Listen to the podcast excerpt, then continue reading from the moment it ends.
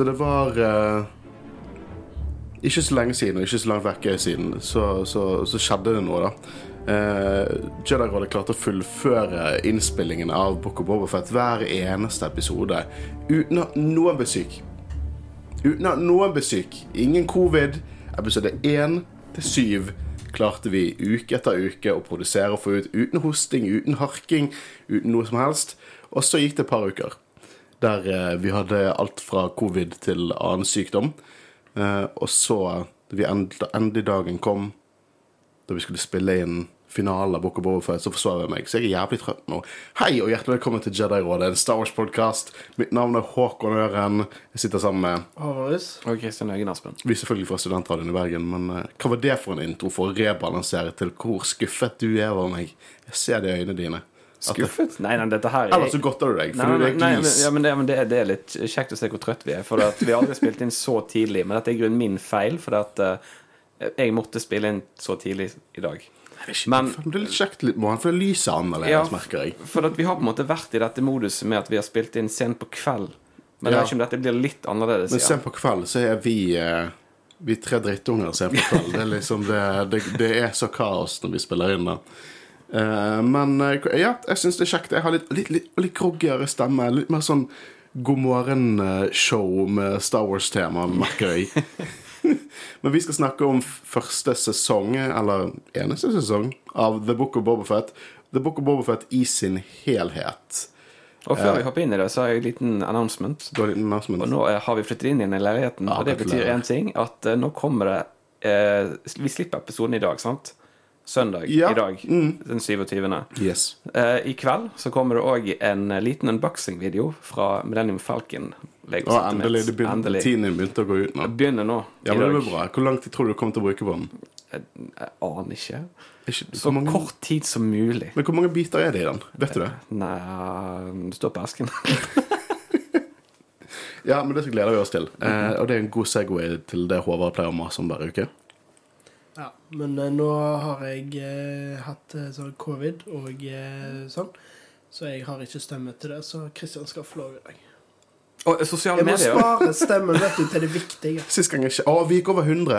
Det er det. Vi, har vi er så happy. Ja, du skylder oss øl. Ja, men det skal vi når vi går ut og tar den der eh, 100 øl var. 100 Vi tjente én øl, Håvard. Yes! Veldig digg. Og vi har jo passert 100 òg. Vi har vel 104 105 sist gang jeg 105. Det, det er ganske digg. Men uh, vi syns det er kjempeglad hvis du 200 før eh, 2023 er det målet. Ja. Eh, Sånn som vi har fått 100, så ser jeg ikke for meg at vi må vente helt til 2023. Ja, det, det, liksom, vi akselererte ganske fort på en stund. Jeg vet ikke hvor langt det tar før vi får 200. Det er ganske Men ut- kjekt i tillegg til at eh, fem og fem på alle eh, tilbakemeldingene. Ja, det er gøy. For det, vi fortsetter jo å få på iTunes også. Vi setter jo veldig pris på det. Det har blitt veldig mye fokus på Spotify nå, for vi har fått så mange der. Men, eh, på, på iTunes er det også veldig gøy, for der, der kan du få skrive reviews, Reviews. også, som også er veldig gøy. Men ja, eh, nei, følg oss på Instagram, Twitter og Facebook. Ja, det er der vi er. Eh, vi elsker å interagere med dere, som sagt. Eh, og i denne episoden Det blir litt annerledes, for vi har spurt dere hva dere hadde lyst til at vi skulle diskutere. Jeg Så det, syns det beste forslaget kom fra Håvard. ja, Han ville vi skulle diskutere Boafett. Som er det er veldig bra du er. Hva skulle vi, hva skulle, hvordan skulle vi klart oss uten deg? Akkurat det var jo på en måte òg På en måte en vits med tanke på de eh, siste episodene der det ikke var like mye Boba Fett. Ja, så sant.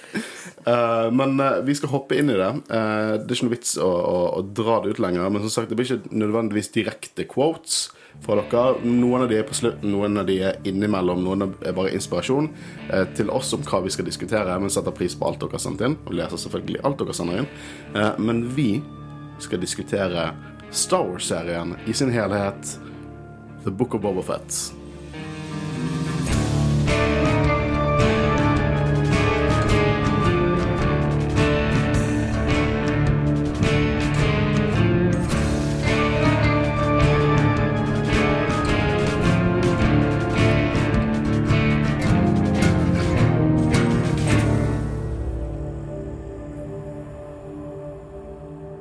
Så The Book of Overfed, Jeg tenkte det viktigste for oss til denne episoden Det var å se den back to back. Noenlunde. Jeg brukte tre kvelder på det. Du brukte vel en hel søndag, Christian? Ja. Ja. Så jeg gleder meg til å høre hva du har å si. Men, eh, du, og du fikk endelig sett alt.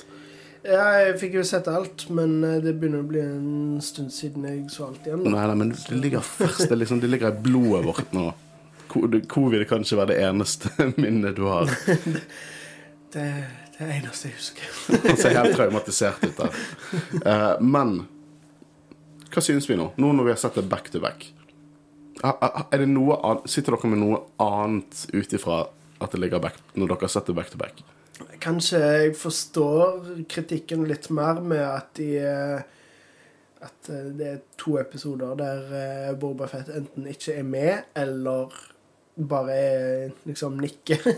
Eh, Men igjen, det er på en måte De episodene synes jeg er så bra at det gjør ikke noe. Men jeg, jeg synes kanskje serien er litt ufokusert til tider. At det på en måte og jeg liker alt som skjer, men det er òg en del liksom på en måte Jeg kjøper ikke helt begrunnelsen til Bobafett for hvorfor han vil bli Daimyo, og det er bare føles litt unødvendig ut. Okay. Men igjen, jeg synes det er såpass bra at det gjør meg ikke så mye. Men det er bare um, mer det at jeg skjønner folk som kanskje ikke var like stor fan, men jeg liker det fortsatt. Christian. Ja, Men det er vel kanskje det de skulle gjort litt mer fokus på. Holdt jeg på å si hva målet, eller hva Bobafett ville oppnå med å bli uh, Dy- Dynamo. Dynamo. Daimyo. Bra uttalelse. Ja. Eh, men uh, ja, nei, jeg så jo alle episodene på en søndag, og jeg, eh, jeg syns egentlig at når jeg så episode 1 til 4, så på en måte er de episodene som har Boba Fett i seg mest. Eh, jeg hadde et helt annet syn på dem etter å ha sett de i strekk. Yes. Det var, det var egentlig Jeg ble så hekta og gira i historien. og episode én, eh, som jeg egentlig sa når vi spilte inn, manglet den hooken. Jeg fikk den instant når jeg så disse her eh, på rad, egentlig. Jeg synes Fra- fortsatt de er de beste episodene. ja, én til fire, og det er absolutt. Og så føler jeg at Og fem og seks på en måte hopper vekk, men kanskje de eh, kunne strekt ut serien, sånn at de kunne hatt de episodene, men òg fortsatt litt fra Bobafett. Eh, Ja. Men jeg skjønner hva du for, det, for at 1 til 4, og så hopper du rett til 7, og da føler jeg 7 er litt sånn eh, Game of Thrones sesong åtte. Kanskje de heller eh, eh, forteller den historien, liksom, og intensjonen til Bobafett. Eh, men jeg skjønner hvorfor de har laget episode 5 og 6. Det er for å bygge veier videre i universet. Og det har de gjort. Det er masse å spille på nå, ut ifra de episodene. Og de bygger jo opp eh, Mandalorian sesong tre. Og, eh, men én til fire er helt nydelig. Det er faktisk eh, Det er vanskelig å si eh, at episode fem og seks ikke er fantastiske episoder. Men eh, fra en Bobafett-serie, én til fire, eh, de skulle bare fortsatt i den retningen. De skulle holdt det litt Du var jo veldig imot sånne her big cameos og alt dette greiene her. Kunne ikke vi fått en litt mild serie basert bare på karakteren Bobafett? Noe jeg òg tenkte litt på, var at det de kunne gjort, var eksempel å kutte Altså at de Hvis de bare hadde hatt, lagt en Disney Pluss originalfilm som heter The Book of Bobafett, som er nesten som en interlude mellom sesong to og tre av Mandalorian, der du bare får med flashbacks, og så hadde de kunnet tatt med resten av det inn i på en måte Mandalorian. Hvorfor? for, apropos flashbacks, er at uh, episode fire på måte eh, avslutter jo på en måte flashbacksen i forhold til historien der Bobafett har gått fra Salak-pitchen og tatt tronen. Det er en god pitch, da. Hæ? Det er en god pitch. Pitch? Ja. Salak-pitchen. Oh my god! uh, eh, og da hadde jeg likt å sett Der kunne de introdusert i episode fem. Der kunne Cad Bane kommet inn i starten. Eller eh, ja, slutten av episoden. Uh, Allikevel uh, så glemmer jeg hvor jeg skulle med dette. Nei, men jeg syns det var gode tanker, selv om du Ja. ikke fant målet. Men uh, jeg skjønner hva du mener. Jeg tror de fleste der ute skjønner hva du mener. Jeg, jeg, tror at mye hadde blitt fikset For som sagt, vet du hva, jeg, jeg har innsett noe. Jeg har innsett det at, at jeg elsker Star Wars. Eh, og jeg, ja, jeg har innsett det lenge siden, men jeg har innsett at jeg ser ikke på det som filmer og serier og sånn. Det, det er vanskelig for meg å sitte og kritisere det som film. For det, vi, vi, vi nevner jo regi og klipping og skuespill og eh, story og alt det der, og vi gjør jo det, men eh, jeg, jeg er kjempeglad i film. Jeg kan sitte og diskutere film kjempemye. Jeg kan sitte og diskutere den type aspekter i film. Men Star Wars jeg bare ser jeg annerledes på det. det. Vanlig kritikk faller ikke inn i hodet mitt som, til Star Wars, at Star Wars er så mye mer for meg. Eh, og jeg eh, anerkjenner kritikken. Jeg ser kritikken. Jeg, eh, jeg tror at eventuelt mye kunne blitt fikset hvis vi fikk eh, en, en, en til episode i denne serien. Det var åtte episoders lang serie. Og at vi fikk en episode av Bobafett etter den Luke-episoden. Sånn at ikke det var så plutselig Å, plutselig sesongfinale. Ja. Uh, jeg tror det hadde Akkurat det er jeg mye. helt enig i. Eh, Så enten gjøre serien mindre eller lengre. Ja, det- 20 det er det. episoder var på en måte Men ikke jeg, helt rett. jeg må også si det du sier, Christian. De fire første episodene var konge back to back. Det, var, det, var en, det var en fin Det var en fin lang Det var som en lang film som virkelig tok seg sin tid. For det at, ja, Mando dukker opp, og Luke dukker opp, men du kan ikke si at ikke serien tar sin, sin tid med Bobafett eh, og hans hans viktigste eh, motiva motivasjoner Ja, jeg, er enig med det Daimyo-greien. Litt sånn, hæ? Eh, og jeg har tanker på det eh, som kanskje kan si at uh, gutta der borte ikke tenkte veldig ut på, på akkurat den delen av motivasjonen hennes. Men jeg tenker det viktigste motivasjonen til Bobafett her var å, å redefinere seg som karakter, og, og dette her med å, å finne sin stamme. Og jeg tror at det er mye av det som vi tror ikke henger sammen med serien, faktisk henger sammen med den tematikken. Og det tror jeg er den viktigste motivasjonen og viktigste tematikken til hele eh, denne serien, er at fellesskap over jobbe, være en som ulv, da. At du finner styrke i, i, i, i gruppen framfor å kun være egoistisk og stole på seg sjøl. Jeg tror det er hele tematikken til denne serien. og Jeg tror det er det som er målet til The Book of Bobafett, annet enn eh, boken og Bobafett og Luke og Mando, så er det det det handler om. Eh, og jeg skal gå litt inn på det senere. Eh, som sagt, de fire første episodene helt konge back to back. Helt konge. Jeg syns egentlig serien er helt konge back to back. For å være helt ærlig så syns jeg at denne serien var mye mer bingeable. Eh, og at det, for min del så sitt, elsker jeg den mye mer etter å ha sett den back to back. Jeg, jeg synes at det, det, det er noe flott Star Wars jeg er jævlig glad for at det eksisterer.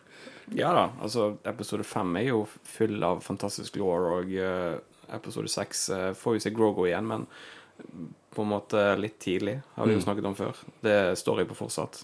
Ja. Uh, men uh, det er liksom denne episode 1 til 4 som er Du får mye Bobafett, selvfølgelig, men det er denne store leapen fram til episode 7 som kanskje gjør at de burde ha i hvert fall én episode til. Mm. Nei, men jeg er ikke uenig i den heller. Uh, og jeg hvor, hvor vi skal vi begynne, da? Vi fikk en veldig fin sånn eh, Et fint for, eh, tema som noen hadde lyst til at vi skulle diskutere, som jeg syns var greit å putte inn litt tidligere. Eh, for jeg likte denne veldig godt. Det er en som sa, sa her eh, Hva var ønskelisten på forhånd? Hva skjedde, hva skjedde ikke? Og det syns jeg var interessant eh, å tenke på. For det, hva var det egentlig vi forventet? Nå må vi gå tilbake igjen til Jeg har ikke hørt igjen vår preview-episode. Men hva var det vi ønsket fra denne serien? Og nå kan det hende at jeg er kjempehykler og går tilbake til episoden og Og det er helt andre ting jeg ønsker. Jeg, men, første ting, jeg fikk en, en ting jeg ikke fikk. Jeg fikk ikke noe flashback til Jango Fett. Jeg hadde lyst til å se Demore Morrison, kanskje DA-Jet, spille Jango Fett igjen. Det fikk jeg ikke. Jeg overlever, for vi fikk mye legacyen til Jango Fett. Var mye, mer- mye snakk om Jango Fett, mye Camino-scener. Eh, såpass mye at jeg kunne gå tilbake til Attack of the Clones nå og få et litt bedre inntrykk av filmen. Spesielt med scenene med Jango Fett og Boba Fett. Det, det, liksom, det henger litt, bedre, litt mer smooth nå. Eh, og jeg, eh, men det jeg hovedsakelig Hva var det jeg ønsket meg egentlig med denne serien? Jeg ønsket meg at jeg kan gå tilbake igjen med ny kontekst og sette mer pris på å se Boba for tidligere. Litt sånn som med Darth Maul. Eh, jeg ønsket at jeg kunne gå vekk fra denne serien ved å like karakteren mer. Og det kan jeg si at jeg gjorde. eh, på samme måte med Maul, at jeg kan gå tilbake igjen til Empire Strikes Back, jeg kan gå tilbake igjen til Clone Wars, Attack of the Clones, Return of the Jedi, og så få litt mer glede av, av Bobafett, fordi at jeg vet litt mer hva som foregår bak den masken. Hva med dere? Ja, altså nå er jo jeg det, det, det, Jeg kan trygt si at det er jeg som er mest Bobafett-fanatikeren i dette rommet. Det er du. Ja. Så, så liksom jeg, Det skal ikke, egentlig ikke så mye til for å please meg, så jeg er litt mer interessert i å høre hva, hva dere sitter igjen her. Ja, altså, Jeg hadde egentlig ikke så mange tanker på forhånd. Eh, Det var på en måte litt vanskelig å vite hvor de skulle gå. Eh, Selv etter å ha sett trailerne. Det var jo på en måte tydelig at eh, Jeg fikk jo inntrykk av at det med at han skulle bli på en måte Daimio, var hovedfokuset eh, ut ifra trailerne. da. Ehm, så jeg fikk mer enn det jeg egentlig hadde forventa. Det var ikke det at jeg ikke gleda meg, men det var på en måte Litt som du sa, det er du som er den store Boba Fett-fanen. Um, altså, jeg, jeg liker han jo, men mer, mitt forhold til Boba Fett er liksom mer det at han var en kul karakter i Empire Strikes Back. Jeg, og selvfølgelig Nå har jeg jo sett litt mer Altså, nå har jeg jo sett Clone Wars, så jeg har jo mer inntrykk av han derifra, da. Men um, ja, egentlig så ville jeg bare ha en uh, god historie med Boba Fett som ville få meg til å på en måte få samme Altså se på Boba Fett med samme blikk som deg, da. Og eh, jeg vil jo si jeg har fått det. Du, du vil si det, ja? ja men det er godt å høre. Selv om den historien kanskje var litt ustrukturert, så Nei, nei, men altså, jeg syns jo fortsatt det var en bra historie. mm. Eh, ikke at jeg ikke var engasjert i karakteren før, men jeg er blitt mer engasjert i karakteren nå som denne serien er kommet. Du har det, ja. Ja. Men det er jo egentlig det viktigste å, å be om, vil nå jeg si. Ja. Og bli mer engasjert i det. Jeg tror ikke det er siste gang vi ser god gamle Robert Fett. Kul karakter, eh, holdt jeg på å si, og, men du får, får mer av han nå etter denne serien. Eh, vi, jeg tenker jo at jeg har egentlig litt lyst til å hoppe rett inn i disse motivasjonsdiskusjonene våre. For hvorfor Daimio? For du, jeg har snakket litt med deg, Håvard. Jeg har snakket litt med han på privaten. Eh, eh, Fuck you, guys. vet, vi, var, vi, var på, vi var på et bursdagsselskap til en annen som heter Christian. Med K, da. Ah, ok, Potter med feil bokstav. Ja. Feil bokstav. en falsk Christian. No, nei da, no, fal- ingen falske Christian her. Men da diskuterte det litt, og da tok Håvard Han hadde drukket to voksenbrus, to øl, og sa han Hvorfor vil han bli daimio? Sant? Du er ikke fra Stavanger, men uh, Hvorfor vil han bli daimio? Hva er dealen med daimyo akkurat? For det at jeg begynte å tenke litt sånn Ha, hvorfor vil han bli daimyo? Hva, hva er tankene dine rundt det, Håvard? Nei, altså um, Bare måten han sier Altså, han sier til Fennek kjenner at han er lei av å bli bossed around av folk som ikke har peiling og alt mulig sånn, så derfor vil han bli sjef. Men jeg føler på en måte bare at ja, OK. Hvorfor vil Ja. Nei, jeg bare Du savner en litt dypere motivasjon. Ja, og spesielt med det når han bare sier sånn Å, jeg skal drepe den eh, Jeg husker ikke nøyaktig. den Bloated bloated pig. som uh, double-crossed me, og så fikk vi aldri vite hvordan eh, han ble double-crossed, og eh, hva han tenkte rundt det, på en måte. Så jeg bare føler at Spesielt med det som på en måte skjedde i siste episode, da, når de antyda at han ikke ville fortsette å være daimyo. At liksom, hva var poenget med det, da? Altså, hvorfor ikke Han kunne beskytte folket sitt på en annen måte, og eh, samtidig Han har jo ingen tilknytning til folket på Tatooine annet enn de Tuskens som Mm. ble drept, på en måte. Så eh, jeg bare kjøper ikke helt det. Det er jo ikke noe som ødelegger serien på noen måte, men jeg bare skulle ønske vi fikk litt mer motivasjoner, rett og slett. At han bare kunne forklart det på en litt annen måte, selv om uh, Enten forklarte eller liksom show, don't tell, men jeg bare følte de ikke viste det heller, så Ja. Nei, jeg vet ikke helt. Uh, kanskje vi får mer i det i Mandalorian sesong tre. Jeg vet ikke. Jeg, um, jeg, jeg, jeg kjøpte totalt at han ville bli crime boss. Jeg, jeg kjøpte at han ville, han ville drepe Bib Fortuna. Eh, jeg skjønte at han, eh, han var lei av Sånn som han sier i episode fire, at han var lei av at dusørjegere dør for idiotien til eh, mafiabosser som disse dusørjegerne egentlig er smartere enn. Å snakke om det der at du dør alene i, i møkket fordi at du jobber for noen som kunne gjerne unngått denne konflikten. Jeg kjøper kjempemye det. Det eneste jeg begynner å tenke litt på, er litt sånn Men hvor er denne her eh, tilknytningen? Hvorfor begynner du å snakke om, om Moss Espa som at det er ditt folk? Eh, det er der jeg begynte å For det virker litt som at eh, Moss Espa er liksom sånn Hvem er du? Alle folkene er sånn Ja, men vi trenger ikke deg. Bare sånn, ja, men du er, mi, du er min person. Du er mitt folk, bro. Espa Og så var- sånn Det var liksom bare en enkel vei inn som crime boss, fordi uh, han kjente de som var der, og kunne drepe dem, men uh, så var det liksom OK, jeg vil bli crime boss et eller annet sted. Ja, jeg er på Tatooine, OK. Ja, det, og, og jeg har flere tanker på det. For, én tror jeg det at vi at, at kanskje de prøvde å fortelle oss mer med Tusken Raiders, og hvordan han fikk en mye mer tilknytning til planeten, og ikke bare Tuskens, basert på det. For det, er jo det serien tar seg mest tid til å understreke, er hans tid med Tuskens, og hvor mye det endret han som person.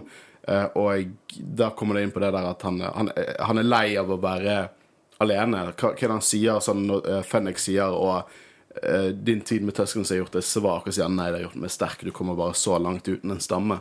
Uh, og at det er det han vil Han vil bygge seg en stamme. Han vil være lederen, for det er også det, den personen som han har tatt med mest lærdom fra, er vel lederen av Tuskens. Uh, og det snakket vi litt om i sånn episode to, og hvordan dette vannet som de, som de får, nesten litt sånn som den tributen eh, som du får i den, den fremtidige kronologien i, av serien. Eh, så jeg eh, Jeg mente det, det føltes mer som at han skulle bygge opp den stammen. Han hadde kanskje begynte som litt simplere eh, motivasjoner med at jeg skal bli crime boss, spesielt disse folkene jeg jobbet med nå, som basert på at min jobb for de, så endte jeg opp på et dårlig sted, og nå skal jeg hevne meg på de, og så gjøre en bedre jobb enn de. Og så etter hvert så bygde han seg opp en stamme, og var i byen i Mos Espa, og jeg følte en tilknytning til planeten enda mer basert på tidligere, eh, tidligere erfaringer. Så til siste slutt så kjøper jeg det han ønsker, men jeg er helt enig om at det er ikke helt tydelig nok. Men jeg satt igjen med det etter jeg så hele serien, at det er det han ønsket. Men jeg kunne savnet noen scener som gjør det litt tydeligere. Ja, akkurat det er jeg helt enig i. Og spesielt etter å ha sett det på ny, så er det på en måte Egentlig mye det jeg sa da, at jeg kjøper det ikke helt, men allikevel, jeg kjøper det jo litt. Mm. Men jeg bare savner enda mer Det er god quote å ha på sånn Blu-ray-cover. Savner det Jeg, kjøp, jeg kjøper det, men jeg kjøper det Jeg kjøper det litt, men jeg, jeg kunne kjøpt det mer, eller noe sånt. men, men eh, for det, eh, det, det kommer godt inn i det jeg mener er den store liksom, Hva er det Book of Bobofet? Og det jeg mener er det Book of Bobofet, er ikke nødvendigvis Som serien sier, det er ikke nødvendigvis om Bobafett, men mer eh, om Bobafett og hans, eh, hans tematikk, og hvordan det går inn på andre karakterer. For jeg snakka litt om dette her med det, å, å ikke være stuck i sine gamle roller. Ikke nødvendigvis sånn som Boofet, stuck i sin gamle rolle som badass dusørjeger som gambler med livet sitt for penger, jobber ikke med andre, jobber, eh, det viktigste er seg sjøl.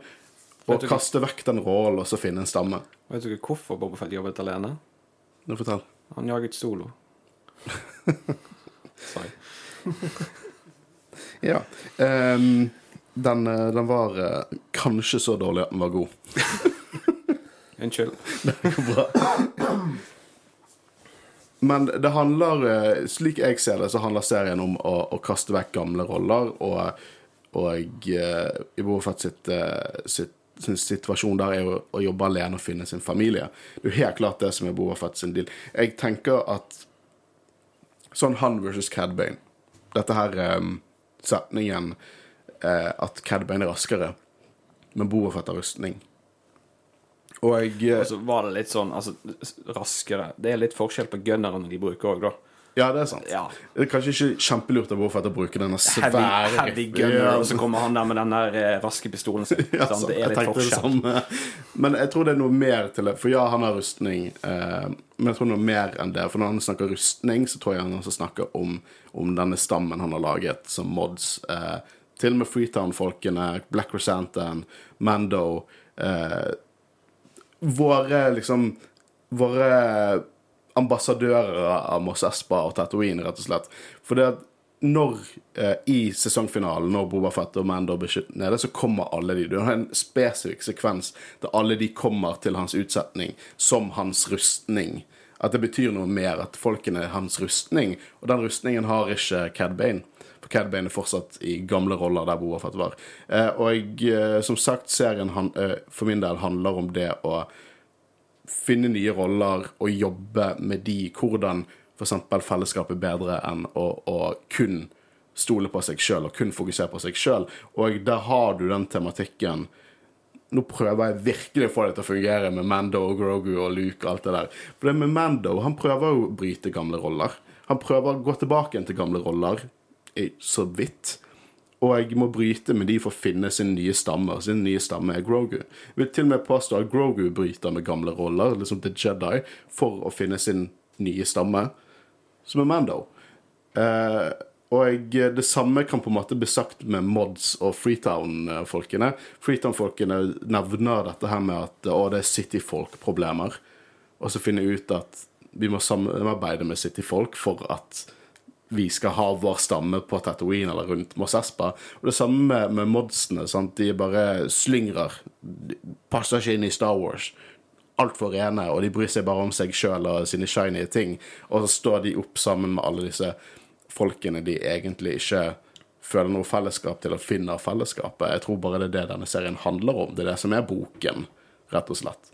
Eh, Det samme kan du si at Boa Fett spiller en viktig rolle i, i alt uh, som har skjedd med Mando. Så jeg, jeg, ser, jeg ser fortsatt noen jeg ser Mando-episoden, episode fem av Book of Boba Den synes jeg passer fint og helt inn. Uh, for det er helt samme tematikk som skjer der. Helt samme, samme storyline, rett og slett, bare hos en annen karakter. Problemet er jo det at vi får enda en episode der Boafet så vidt dukker opp, og derfor blir det jarring. Det sa jo vi når vi dekket episode fem, at dette var jævlig dope, det er fortsatt jævlig dope, men nå bør de komme seg tilbake til Boba Fett. Det fungerer som en interlude, eh, og jeg eh, det er derfor det med Grogu jeg ikke helt har troen på. Det var mer som en videre Kan jeg kalle en backdoor pilot, men da sesong tre, mm. enn det var i tematikken til Bobafett. Men hvis jeg har en pistol til hodet og sier hva har det med Bobafett å gjøre Hvis det ikke var for Bobafett, så hadde jo ikke Grogu levd. Jeg tipper Hvis... altså, Den episoden tipper jeg òg har litt med expansion å gjøre. Ja, absolutt. Uh, Men det Selv om på en måte den episoden kanskje ikke skulle Det er fortsatt en veldig dyp, elskverdig episode for min Ja, ja, for alle. Eh, Og alt som skjer i han med Asoka og Luke, holdt jeg på å si. Mm. Eh, Så for min del så takker jeg egentlig evig for at den episoden er der. Ja. Men ja, det er liksom at han, om han passer inn i den serien. Nå grasper jeg sykt etter strå, og jeg innrømmer det. Men eh, som sagt, Mando hadde ikke hatt Darksaber, eller Grogu hadde nødvendigvis ikke levd hvis det ikke var for Boba Fett. Eh, Luke hadde nødvendigvis ikke vært der han hadde vært hvis det ikke var for Boba Fett. Fordi at eh, det, er, det er Boba som fører eh, Luke til, eh, til Cloud City eh, indirekte. Det er Boba som tar med eh, Som tar Han Solo tilbake til Tatooine. Boba Fett er viktig, et viktig element i utviklingen til Luke. Hvordan han drar og møter Vader på Bespin, mister hånden sin. Eh, og han har vært har hatt liksom, Hans vei har vært på en måte påvirket av karakteren. Det samme med Soka i Clone Wars. Eh, men igjen, jeg vet ikke helt om jeg tror mine egne ord, eh, for jeg tror det er, det er liksom den Betyr svarte at- fåret i, i denne serien. Så Som det er det jævlig at godt Boba svart for. Fett er the chosen one. Det er han som- Det er han som bringer fred og liksom Absolutt. Nei, jeg bare sier at uh, at eh, hvis jeg har en blaster til hodet, så å få det til å fungere Men uh, jeg, som du sier, Christian, det er for å utvide universet. Det er for å utvide storyen til universet videre. Og, og vet du hva? Jeg kunne egentlig ikke brydd meg mer. Du vil bare ha Boba Fett som skyter folk fra kneet. Nei, jeg, det, Nei, nei, jeg vil bare jeg vil, Vet du hva, Star Wars er, multi, liksom et multimediaprosjekt. Jeg liker connectivity, OK? Vet du hva jeg hater? Vet du hva hvilken kritikk jeg fuckings hater? Og det står ikke bra alene sjøl. Sånn Who the fuck cares? Det er ikke Star Wars eksisterer. Hvorfor skal det stå bra alene? Det, det, det som skjedde med Rogue One. Det er ikke bra standalone-film. Men Star Wars eksisterer! Jesus! Det er liksom Ja, jeg skjønner kritikken med at liksom Å, men dette er Boko Bobafett. Men får sånn Who cares? Ah, det, det er bare så god Star Wars. Jeg er bare glad at det eksisterer. Det er rotete, det er ikke perfekt. Det er prequelitis. Ingenting er helt perfekt. Nei, sant? Men det er jo altså Hvem hadde sett for seg at vi kom til å få dette i utgangspunktet? Det er Nei. helt sykt. Og jeg, det er derfor det er på en måte vanskelig å kritisere det, men vi må jo òg gi litt kritikk. Ja, for det er jo derfor vi gjør Det Det er det vi Ja, snakk har skrevet på Spotify tillegg- at vi gjør. Så, Så. regner jeg med at eh, de tar noe av kritikken til seg òg, Mm. på veien. Og det, det er derfor jeg føler det er viktig. Men jeg er forbanna evig takknemlig for alt vi får her, og jeg stoler på de to guttene til å fortsette historien. Eh, men uh, fin liten pitch eh, på hvordan du prøver å Ja, tvinne ting sammen. Men jeg mener fortsatt Mando um, Dette her med å, å kaste fra seg gamle roller og finne nye stammer, er det som på en måte er det connective tissue, uansett hvor godt det henger sammen igjen. Og jeg tror det er det som er motivasjonen til Boa, at vel elsker duell med Cad Bane, ikke bare fordi det er kult det vi ser, men hva det står for. Hvordan, eh, hvordan Boafett Fett har blitt noe nytt, mens Cad har forblitt det samme. Og Da vil jeg liksom snakke om designet til Boba Fett her. For hvor awesome er ikke designet? Ikke bare fordi det er kult med svart robe og rustning utenpå, men også det at det er han. Det representerer han. For det er Tusken robeser med hans, far, sin far sin rustning utenpå. Og det er liksom det er sjelden vi får et design på en karakter som bare fungerer så jævlig godt tematisk. For det tror jeg er viktig. Jeg tror det er som Ja, ja, rule of cool, kjempekult er det. Jeg har jævlig lyst på hotdoysen, eh, men det er det som på en måte Det symboliserer hvor han har gått videre. Og den duellen med, med Cad Bane symboliserer på det at han har på en måte han har blitt noe mer. Han har rustning. Han dreper ikke Cad Bane med å være en dusørjeger. Han dreper Cad Bane med å være Boafett. Med gaffy-stikken sin. En ting han lærte seg av sin nye stamme. Det er liksom, å, det er nydelig. Det er sånn Star Wars-poesi. Det bare henger sammen. Ja, hvorfor ble han daimio litt rart? Det virker som han vil gi, gi fra seg det å gi det til, til Cobb Vanth etterpå. Men det viktigste her er jo det at han har redefinert seg som karakter, og det syns jeg er nydelig. Mm, jeg skal bare legge inn en liten setning med at, uh, at Cad Bane er drept, er litt sånn Kanskje fortsatt. Come on, han er død. Jeg, synes, greit nok, jeg, jeg, jeg blir ikke irritert hvis han blir tatt tilbake igjen, og jeg tror den pipingen Hva nå enn- det var, men Han piper ikke når han liksom lever, liksom, så hvorfor skal han pipe når han er død? Det liksom Nei, men, jeg, jeg, eh, men liksom du, du kan liksom ikke Uansett om det er 1% så kan du liksom ikke utelukke at han kan fortsatt være i live på grunn av det tegnet Mindre som de gir i serien. Det- det- det- Det si betyr sånn. noe. Det Mm. betyr noe, Håkon. Og så er spørsmålet hva den betydningen er. Det får vi nok svar på, for han piper ikke uten grunn. Jeg, tror- jeg tror han piper av å holde dørene åpne. Det tror jeg. Yeah. Det er, det er sånn at det ikke blir sånn Somehow Cad Bane. Det er derfor den pipingen er der. Det er det jeg tror. Men jeg synes at døden hans passer perfekt inn til historien til, til Boba Yeah. Og det er en god karakterdød. Men jeg vil bare si at de, for, for min del eh, Ja, en god død. sant? Jeg har ikke Mm. noe imot det. Men jeg henger fortsatt liten sånn knips og hm, er han i live? Men eh, for det vi snakket om tidligere, at han kan jo fortsatt dukke opp i f.eks. Kenobi-serien. Eller Andor. I- Eller, eller i Andor. Sant? Så eh, For jo, jeg tror han har jobbet så for The er det en Empire god også. død. Men, hvis han, eh, men det er fortsatt en liten sånn strå på at han er i live. Ja, men liksom Gjerne gi meg mer Cad Bane. Ja, ja, ja. Cad Bane er kjempedårlig. Jeg ønsker at han var med mer i serien enn enn det han var. Har du en hot av Cad Bane? Nei, jeg har ikke kommet ut ennå, men det kommer garantert. Jeg lover deg, det kommer en hotdog av, av Bane Um, jeg vet ikke, Sitter dere igjen med noen andre tanker sånn helheten, helhetlig? Nei, altså ikke noe annet enn det jeg har sagt. Men ehm, jeg si at når jeg så serien på ny, så eh, jeg koste meg fortsatt, selv om jeg allerede har sett de to ganger. Så det, Ja, jeg syns det som episoder Litt sånn som du sier at vi vi snakker litt om regi og sånn, men det er på en måte ikke det vi skal snakke mest om. Men som en serie så synes jeg helhetlig så er det kjempebra. Mm. Og eh, noen eh, episoder her og der som ikke liker like bra, men helhetlig så er det en utrolig bra gjennomført serie. Ja, det syns jeg òg. Jeg, og jeg, liker, jeg liker tematikken her. Selv om det er litt sånn ikke hvorfor han skal være daimyo, så liker jeg veldig godt eh, det de gjør med karakterene. Jeg syns sesongfinalen var dope. Eh, nå har jeg, sett den, jeg har sett sesongfinalen så jævlig mange ganger nå. Nå er neste motivasjon i når han, er, han blir sikkert med i Mandalorian sesong tre. Han skal bli Mandalore. Jeg, vet du hva? Liksom er det ikke usannsynlig? Den der eh, legenden om uh, uh, The Mythosaur som skal lede Mandalore inn i New Age. Eh, Det var en veldig rar scene, så bare det var veldig rart når, når The Armorer snakket om det.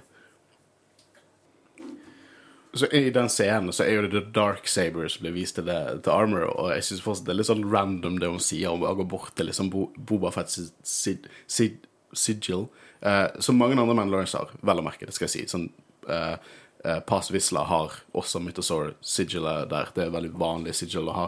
Men det er litt sånn Og i legendene, i Legends, så var det The Mythosaur som liksom skulle lede New Age av Mandalorians, men synd at det bare er Legends. Men i Legends så ble jo Boba Fett eh, Mandalore. Vi har en hel serie om hvorfor han plutselig har lyst til å ha lederstillinger, og vi sitter og tenker liksom Hvorfor vil han ha lederstillinger? Eh, jeg tror at han kan være en player i the game of Mandalore. Ja, og eh, vi har jo spekulert litt i på en måte det med at uh, Din Djarin er litt som uh, John Snow. I don't want it. uh, så det, det kan jo hende at på en måte Han må på en måte velge mellom Bokutan eller Boba Fett. Og så at det blir på en måte sesong tre, da. Ja, for jeg, jeg tenker eh, Han kommer sikkert til å foreslå How about ruling together? He has the best story. Mando, han til han, er så best. Det er Grogu som er ny Mandalore, for er Grogu har the best story. Jesus Christ. Men jeg tenker, det der, Grogu Hvis Grogu ikke kommer tilbake igjen, så har jeg vært sånn Nei, vet du hva, det er, det Din Djarin, det er King Arthur, det er liksom sverdet, det er han som tar opp uh, The Mantle. Men Grogu er tilbake igjen, og jeg føler ikke Grogu passer inn der. Hva, liksom, skal han være Mandalore og Grogu Daddy? Jeg, bare ser ikke for meg det skjer. Jeg tror, at, uh, jeg tror Mando tar en Jon Snow. Hvem som blir, blir Mandalore, jeg vet ikke. He's the heir. Ja. Men jeg, jeg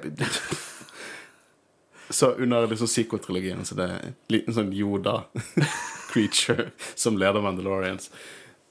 Ja, ja. Yodalorians.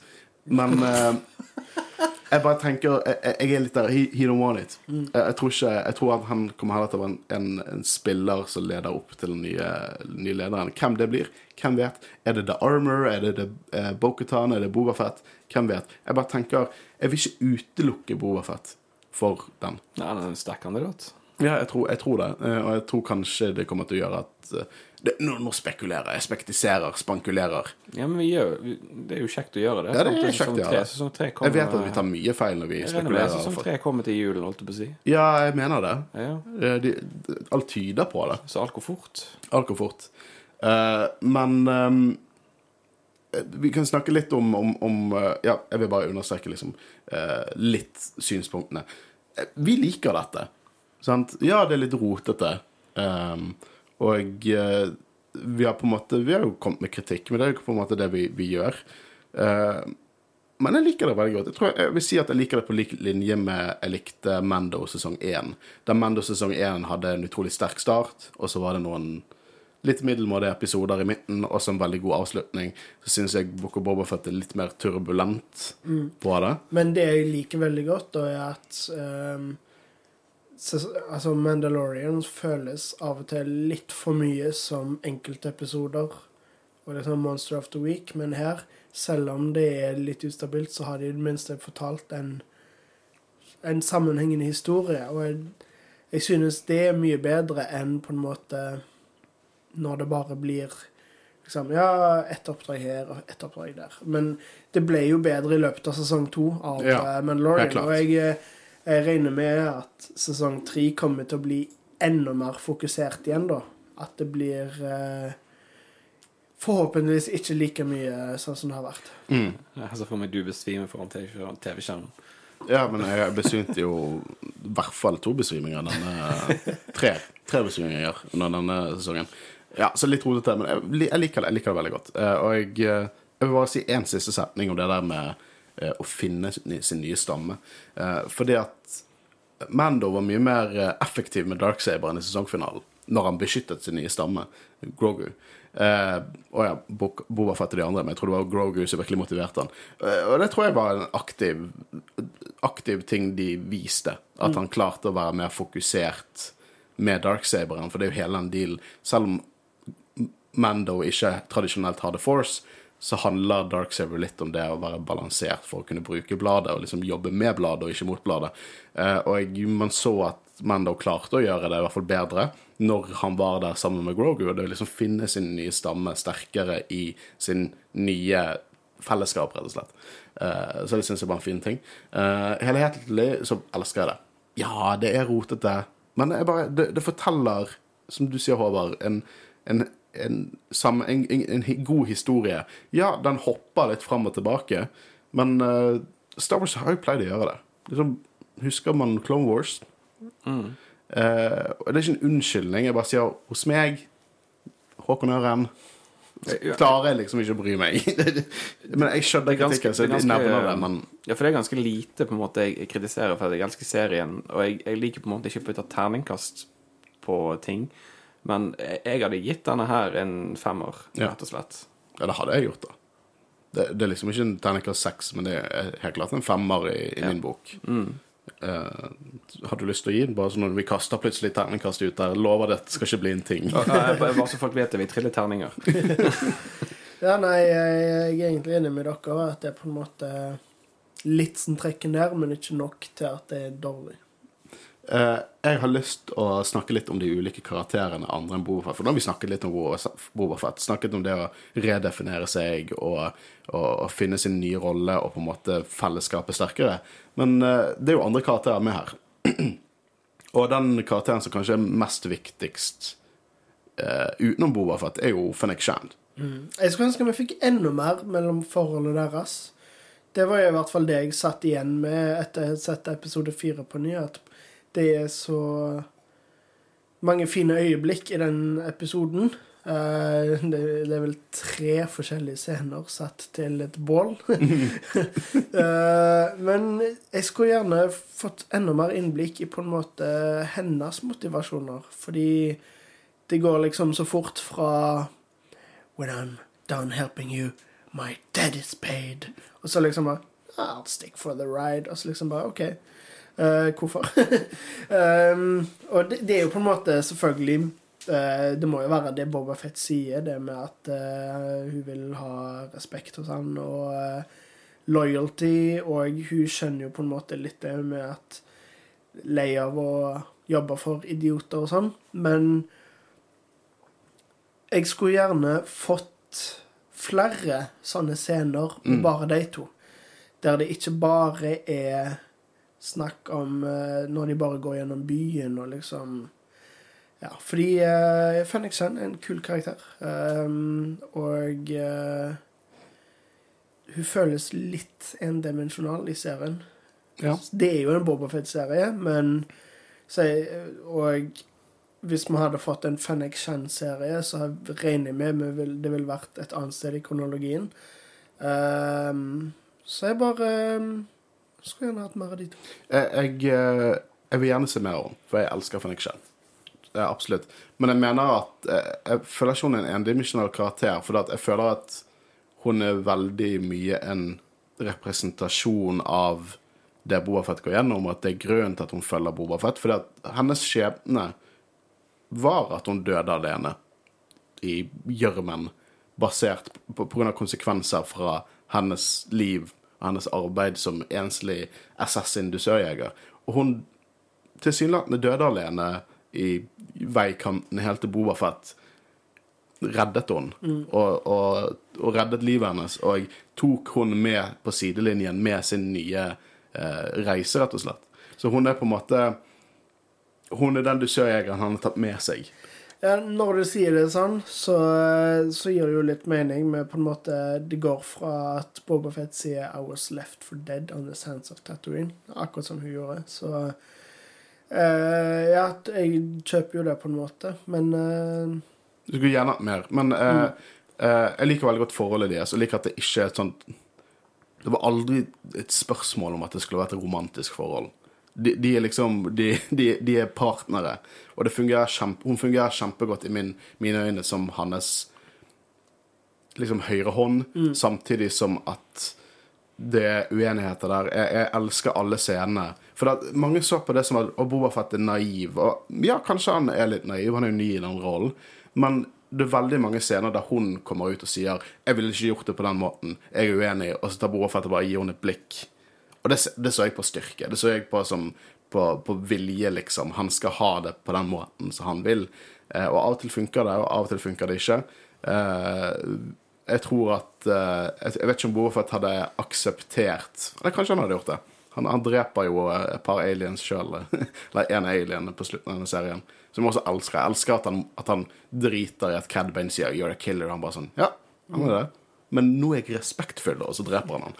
Uh, men denne scenen på slutten når Fennek Shandri bare R-rated dreper hele toppen av Pikes på, på Tatooine sammen med, med alle hodene til familiene.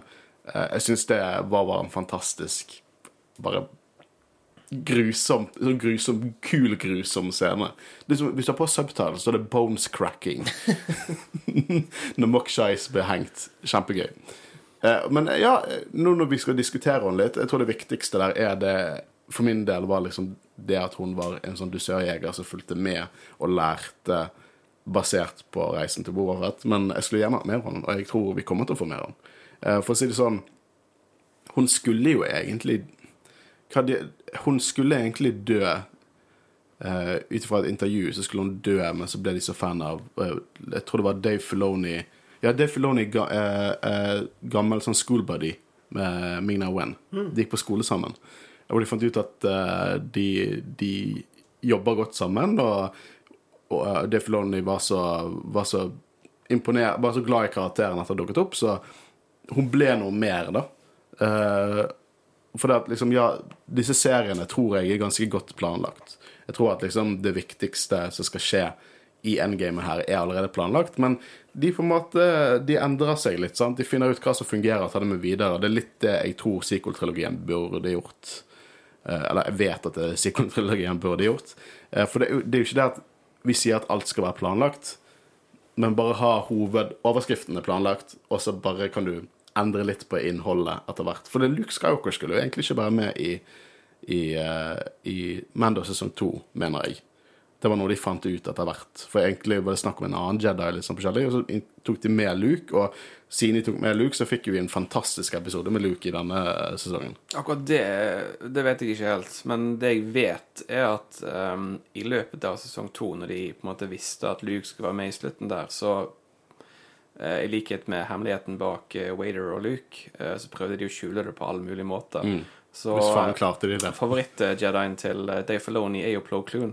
Eh, og han var jo den på en måte eh, de filmet litt, da, for de hadde masse sånne eh, misvisende manus som de skrev. Og concept art. De har concept art av at Plo Kloon ja, de, dukker opp men de har til og med filmet en scene, tror jeg. Har de det? Ja, ja, ja, med Plokluen for å på en måte villede.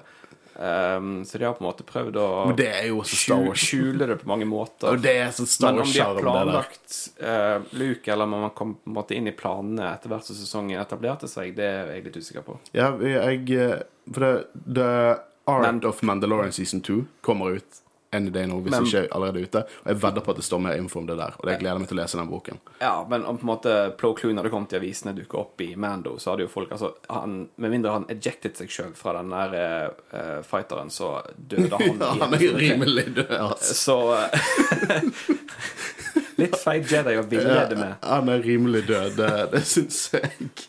Um, men apropos dusørjegere, Cad Bane.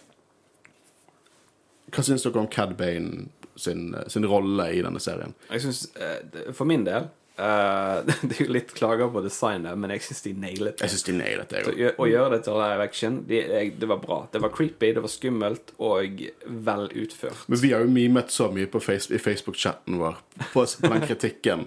Og tatt sånn Kan du sende bilde av Clone Wars Dooku i Det var det du som gjorde det, kanskje? Jeg var Håvard som gjorde det. I live action der var han er helt samme proporsjoner.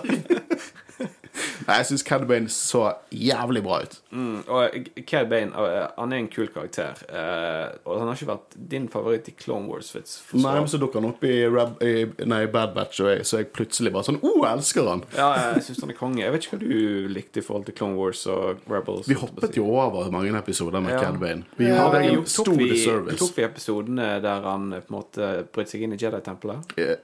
Nei. Nei, de Nei, er det ikke tror jeg ikke. Jeg har veldig eh, Veldig lite med Cad Bane eh, på minnet. uh, det var vel egentlig hovedsakelig de episodene med de der eh, Det var vel Duku sin test inni Ja. den der kuben.